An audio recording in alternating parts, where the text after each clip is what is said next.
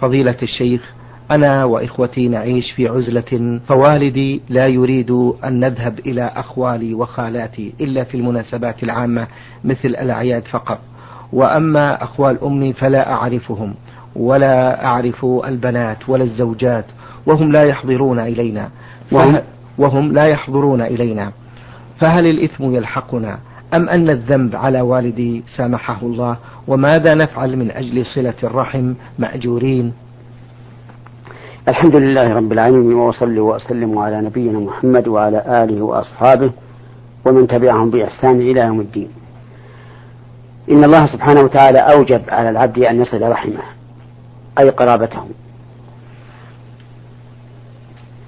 ووعد من وصل رحمه. أن يصله الله عز وجل.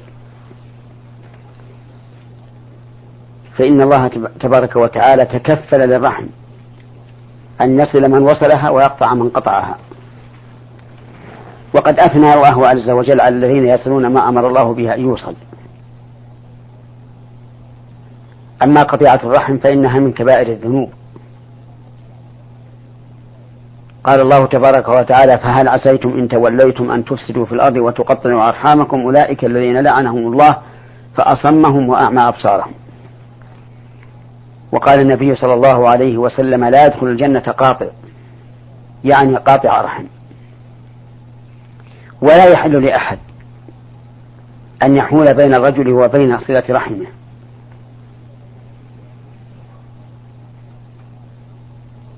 لأن ذلك من باب محادة الله تعالى ورسوله حيث يمنع صلة من وصل من أمر الله بصلتهم. وعلى الأب أن يتقي الله عز وجل. وأن لا يمنع أحدا من أهله أن يصلوا أرحامهم.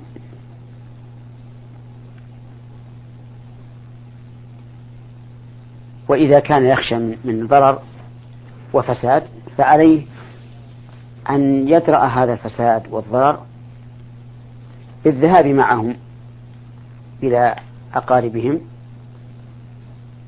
ثم يرجع بهم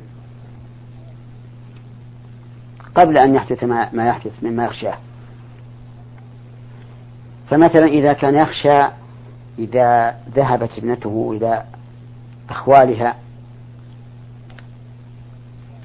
أن تشاركهم في الإثم إن كانوا وقعوا في إثم فليذهب معها بعد المغرب مثلا أو في الضحى أو في أي وقت كان ويجلس معهم ما شاء الله أن يجلس ثم يرجع بابنته.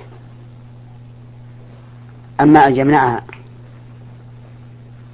أما أن يمنعها من صلاتهم فإن ذلك أحرام عليه. وفي هذه الحال لا حرج على البنت أن تصل رحمها ولو كان أبوها قد منعها لكن اتقاء للشر والفتنة وتأزم الأمور تصل الرحم دون أن يشعر بذلك والدها حتى يحصل المقصود بلا ضرر. أحسن الله إليكم وبارك فيكم يا فضيلة الشيخ محمد. هذا السائل من اليمن يقول هل قراءة الفاتحة إلى روح النبي صلى الله عليه وسلم أو إلى أرواح الأموات من السنن المشروعة حيث إنه يوجد في آخر بعض المصاحف كتب عليها اللهم تقبل ثواب ما قرأناه ونور ما تلوناه هدية واصلة منا إلى روح نبينا وشفيعنا محمد صلى الله عليه وسلم وإلى أرواح آبائنا.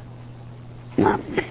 هذا الموجود في في, في بعض المصاحف بدعة. ولا يقر عليه.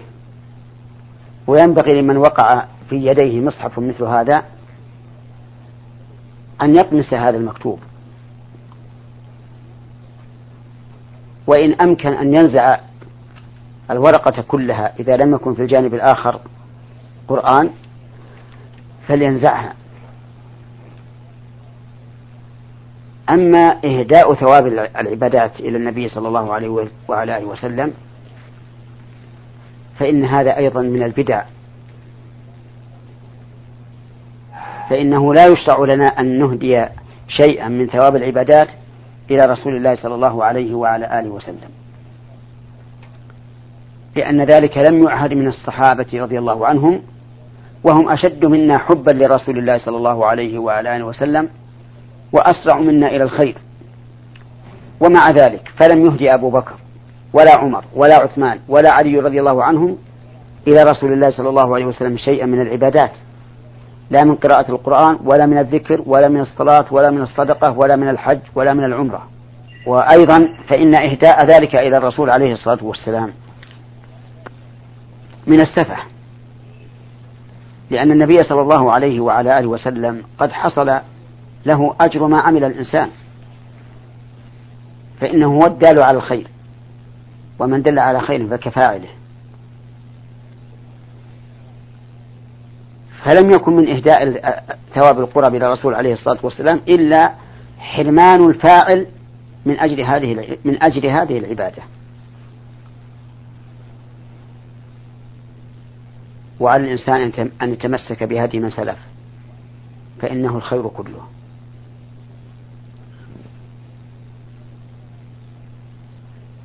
وكذلك يقال بالنسبة لإهداء القرب إلى إلى الأقارب من الآباء والأمهات إنه ليس بسنة لكنه جائز. واختلف العلماء رحمهم الله في إهداء ثواب القرآن وغيره من العبادات البدنية المحضة هل يصل إلى الميت أو لا يصل. ولا ريب أن الأفضل للإنسان إذا أراد أن ينفع أباه وأمه أن يدعو لهم أن يدعو لهما لقول النبي صلى الله عليه وسلم إذا مات الإنسان انقطع عمله إلا من ثلاث صدقة جارية أو علم ينتفع به أو ولد صالح يدعو له. أحسن الله إليكم وبارك فيكم. يقول السائل هل تجوز مفارقة من يختم دعاءه بقراءة الفاتحة دبر الصلوات؟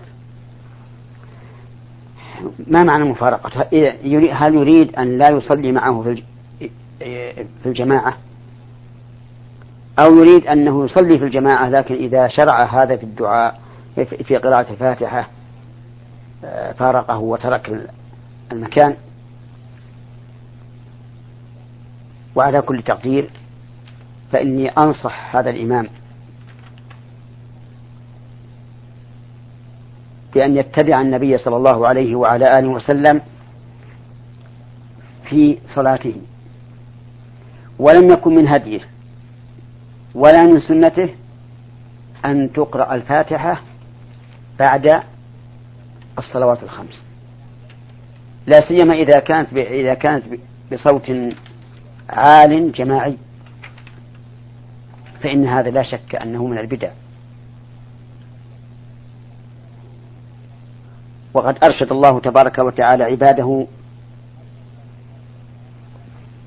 فيما يفعلون بعد الصلوات. فقال جل وعلا فإذا قضيتم الصلاة فاذكروا الله قياما وقعودا وعلى جنوبكم ولم يذكر قراءة بل ذكر ذكرا. وقد ورد أنه يسن أن يقرأ آية الكرسي وقل هو الله أحد وقل أعوذ برب الفلق وقل أعوذ برب الناس أحسن الله إليكم. من أسئلة هذا السائل يقول فضيلة الشيخ إذا كان الرجل يصلي في المسجد سواء كان مدركا لبعض صلاته مع الجماعة أو لا وأتى رجل فصلى خلفه فهل تصح صلاة هذا المقتدي أم لا؟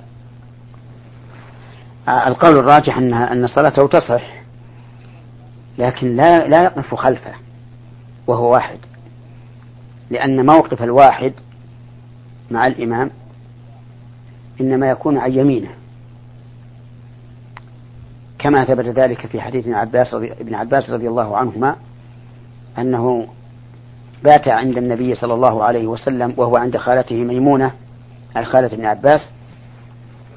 فلما قام النبي صلى الله عليه وعلى آله وسلم يصلي من الليل قال ابن عباس قام ابن عباس عن يساره. فأخذ النبي صلى الله عليه وسلم برأسه من ورائه فجعله عن يمينه. فموقف المأموم الواحد أن يكون على يمين الإمام. نعم. أحسن الله إليكم. يقول السائل هل سجود السهو يكون في الفروض فقط؟ السجود السهو إذا وجد سببه فهو مشروع في الفريضة والنافلة ولا فرق. أحسن الله إليكم إذا كانت المرأة في مدة النفاس فرأت آه، عدم خروج الدم في بعض الأيام ماذا عليها؟ ليس عليها شيء لأن الدم دم النفاس ربما ينقطع يوما أو يوما وليلة ويعود فهي لا تزال في نفاسها أما لو طهرت منه فإنه يجب عليها أن تغتسل وتصلي ولو قبل الأربعين ولزوجها أن يجامعها إذا طهرت ولو قبل الأربعين. نعم. أحسن الله إليكم. يقول السائل إذا طلق الرجل زوجته طلقة واحدة فلم يراجعها في المحكمة ولم تعلم الزوجة ولا أي إنسان بأنه طلقها فهل يصح هذا الفعل؟ نعم يصح. يعني يصح أن يطلقها بدون شهود وبدون المحكمة ويصح أن يراجعها في العدة بدون شهود وبدون المحكمة لكن الأفضل بلا شك أن أن أن يشهد على ذلك. لقول الله تعالى فإذا بلغنا أجلهن فأمسكوهن بمعروف أو فارقوهن بمعروف وأشهدوا ذوي عدل منكم. فأمر تبارك وتعالى بالإشهاد على الرجعة أو المفارقة. أحسن الله إليكم. يقول السائل إذا نسي الرجل البسملة عند دخول الحمام فذكر البسملة أثناء وضوئه في الحمام فهل يجوز له أن يسمي الله؟ وهل الدعاء عند دخول الحمام يقوم مقام البسملة؟ الدعاء عند دخول الحمام لا يقوم مقام البسملة. لكن ينبغي إذا أراد أن يدخل الخلاء الذي يتخلى فيه أن يقول بسم الله أعوذ بالله من الخبث والخبائث. وإن اقتصر على قوله أعوذ بالله من الخبث والخبائث كفى. وأما في في داخل الحمام نعم. إذا أراد أن يتوضأ فليسمي الله ولو كان داخل الحمام. ولا حرج عليه في ذلك لأن البسملة ليست قرآنا بل هي من أنواع الذكر. وإن سمى بقلبه دون لسانه فحسن. وإن ترك التسمية بلسانه وقول و و وقلبه فلا حرج عليه. أحسن الله إليكم. يقول السائل إذا شك الرجل أنه احتلم فلما استيقظ من نومه لم يجد للاحتلام أي أثر لا في الثوب ولا على الجسم. هل في مثل هذه الحالة يجب الاغتسال؟ لا يجب عليه الاغتسال. إذا احتلم وهو نائم ثم أصبح ولم ير شيئا من آثار الجنابة فإنه لا شيء لا غسل عليه. لأن أم سليم سألت النبي صلى الله عليه وعلى آله وسلم قالت يا رسول الله هل على المرأة من غسل إذا هي احتلمت؟ قال نعم إذا هي رأت الماء. فاشترط النبي صلى الله عليه وعلى آله وسلم لوجوب الغسل عليها أن ترى الماء يعني الجنابة. هل في صلاة الرواتب أو في غيرها من السنن تكون قراءة بعض الآيات بعد قراءة الفاتحة؟ نعم.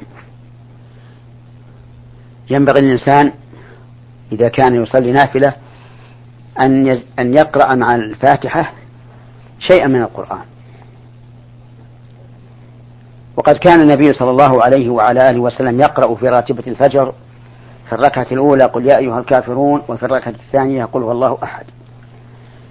وأحيانا يقرأ قولوا آمنا بالله وما أنزل إلينا وما أنزل إلى إبراهيم وإسماعيل وإسحاق ويعقوب والأسباط وما أوتي موسى وعيسى وما أوتي النبيون من ربهم لا نفرق بين أحد منهم ونحن له مسلمون. والآية في البقرة يقرأها في الركعة الأولى من سنة الفجر. وفي الثانية قل يا أهل الكتاب تعالوا إلى كلمة سواء بيننا وبينكم أن لا نعبد إلا الله ولا نشرك به شيئا ولا يتخذ بعضنا بعضا أربابا من دون الله فإن تولوا فقولوا اشهدوا بأننا مسلمون. والآية في آل عمران. وفي ركعتي الطواف يقرأ مع الفاتحة في الركعة الأولى قل يا أيها الكافرون. وفي الثانية قل هو الله أحد. وقام ليلة يتهجد ومعه حذيفة بن اليمان رضي الله عنه. فقرأ النبي صلى الله عليه وعلى آله وسلم الفاتحة ثم قرأ سورة البقرة ثم النساء ثم آل عمران. في ركعة واحدة. وقدم النساء على آل عمران لكن في الأخير صارت آل, آل, آل عمران تلي, الفاء تلي البقرة. والنساء هي السورة الثالثة من السور الطوال. المهم أن النافلة يشرع فيها قراءة زائد على الفاتحة. نعم. أحسن الله إليكم. ماذا يجب على رجل يتأخر دائما عن تكبيرة الإحرام بعد الإمام حتى يشرع الإمام في قراءة الفاتحة؟ ليس عليه شيء لكنه حرم نفسه خيرا كثيرا.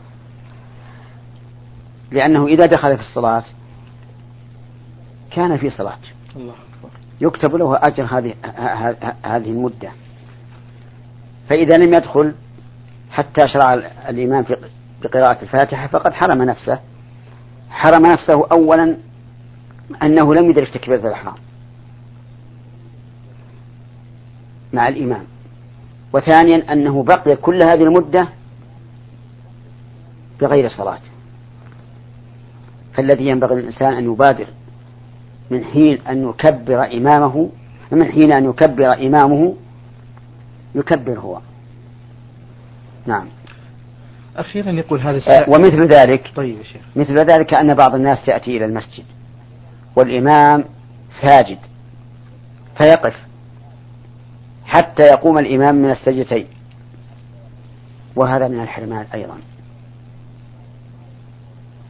وهو مخالف لقول الرسول صلى الله عليه وسلم إذا سمعتم الإقامة فامشوا إلى الصلاة وعليكم السكينة والوقار ولا تسرعوا فما أدركتم فصلوا.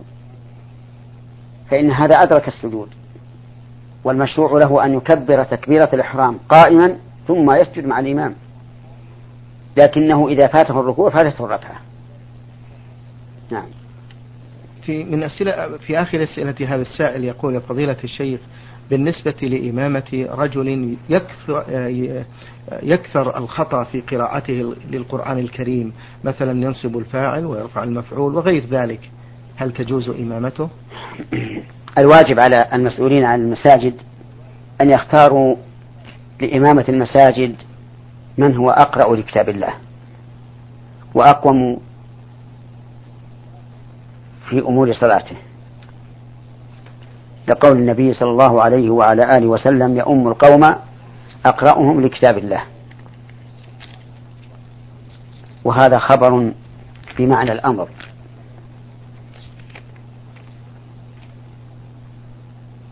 فعلى المسؤولين أن يتقوا الله عز وجل فيما ولاهم الله عليه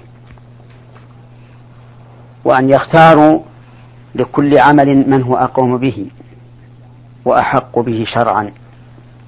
وهذا الإمام الذي ذكره السائل يعلم فإن استقام لسانه فهذا المطلوب وإن لم يستقم لسانه أبدل بغيره ممن يحسن القراءة.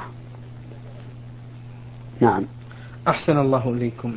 هذا أخونا السائل فا ميم سين أبو عبد العزيز من الرياض يقول فضيلة الشيخ حفظكم الله. كما تعلمون من عادة الناس عند الزواج أن يقدم المتقدم أو الزوج مبلغا معينا لأهل الزوجة دون أن يقول بأنه المهر ولكن ذلك متعارف بينهم على هذا. فيقول فيقدم مثلا ثلاثين ألف ريال ليشتروا بها الحاجيات. وعند كتابة العقد ينص على أن المهر ألف ريال فقط. السؤال يا فضيلة الشيخ هل هذا التصرف جائز؟ ثم إن بعض الآباء يعمد إلى أخذ المبلغ الزائد عن المهر المسمى ويحرم البنت منه بدعوى أن المهر هو المسمى في العقد فقط. ولا يخفى على فضيلتكم حاجة الناس هذه الأيام آه، للمبلغ. فمثلا الألف ريال لا يمكن أن يوفر للمرأة حاجيات العرس نظرا لاختلاف الزمن والظروف. هل تصرف هذا الأب جائز؟ آه هذا التصرف ليس بجائز لأنه خلاف الواقع. فالمهر ما دفعه الزوج لقاء الاستمتاع بالزوجة وهو حق للزوجة. لقول الله تبارك وتعالى وآتوا النساء صدقاتهن نحلة فإن طبن لكم عن شيء منه نفسا فكلوه هنيئا مريئا. فجعل الصدقاء فجعل المهور للنساء. وجعل التصرف فيه في المهور للنساء. ولا حق لأحد في مهر المرأة ولو كان أباها. ولا يجوز للمأذون الشرعي إذا كان يعلم أن الواقع أن المهر ثلاثون ألفا أن يكتب المهر ألف ريال. لأنه يترتب عليه أشياء. منها لو طلقها قبل الدخول. وقلنا إن عليه نصف المهر. هل يمكن أن يقال إن هذا الزوج ليس له إلا خمسمائة ريال؟ لا يمكن أن يقال هذا. والمسألة خطيرة. والواجب أن أن أن يجعل المهر هو ما دفعه الزوج لقاء تزوجه بهذه المرأة. لكن تسميته وتعيينه في العقد أفضل وليس بواجب. فلو كتب المأذون المهر قد اتفق عليه واستلمته المرأة. كفى. لكن الأفضل أن يذكر. من أجل إذا حصل اختلاف يوجب تنصف المهر أو رجوعه كله إلى الزوج وإذا المسألة منضبطة ومحدودة.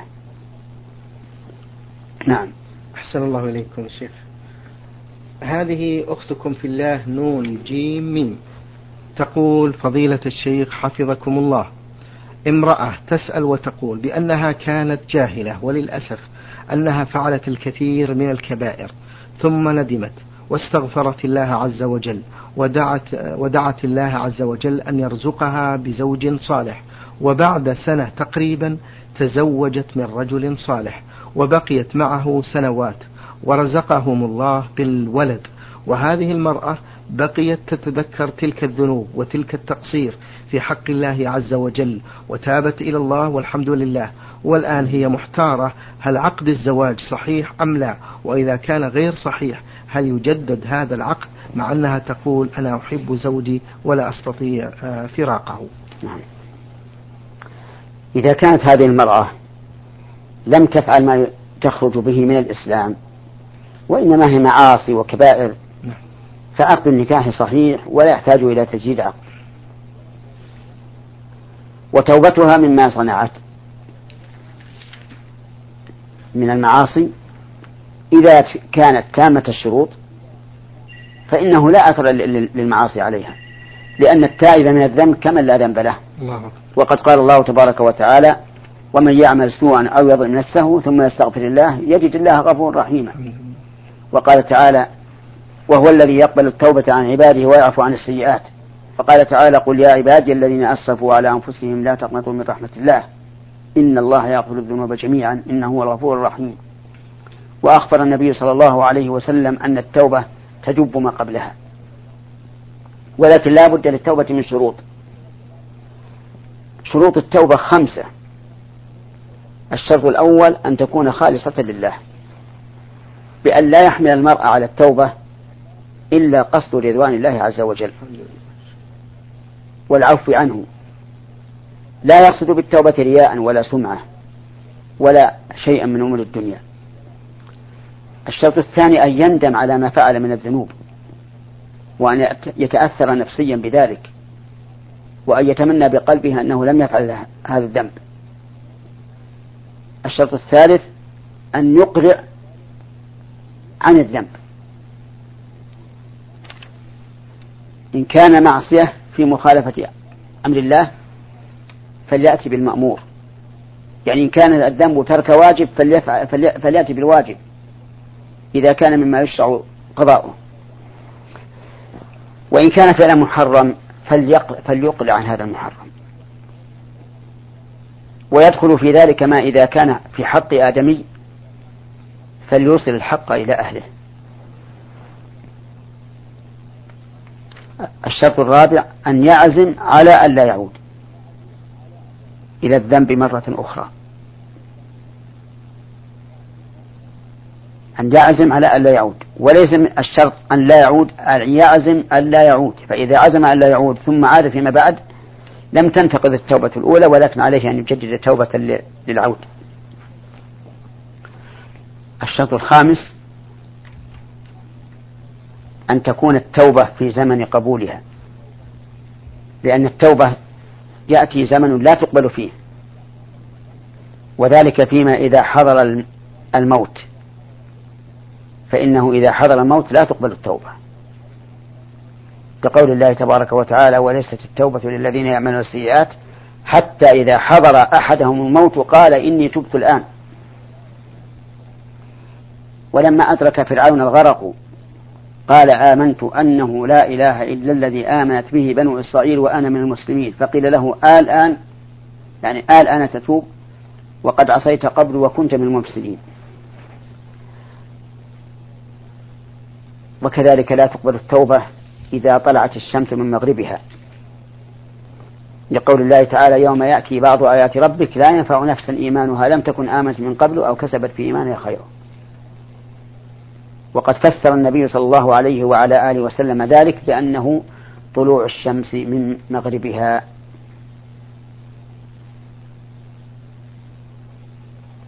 وفي قولنا يشترط أن تكون التوبة قبل حلول الأجل. دليل واضح على أنه يجب على الإنسان أن يبادر بالتوبة. لأنه ما من إنسان يعلم أنه يموت في وقت معين. ولا في مكان معين. لقول الله تعالى إن الله عنده علم الساعة وينزل الغيث ويعلم ما في الأرحام وما تدري نفس ماذا تكسب غدا وما تدري نفس بأي أرض تموت. إن الله عليم خبير. فالإنسان لا يدري متى يأتيه الموت. كم من إنسان مات وهو يحدث أصحابه؟ وكم من إنسان مات وهو نائم على فراشه؟ وكم من إنسان مات وهو آخذ بطار السيارة؟ وكم من إنسان مات وهو يمشي في الشارع. وهذا يوجب أن يبادر الإنسان بالتوبة قبل أن لا ينفعه الندم. أسأل الله أن يتوب علينا جميعا آمين. وأن يوفقنا للتوبة النصوح. اللهم آمين. نعم. شكر الله لكم يا فضيلة الشيخ وبارك الله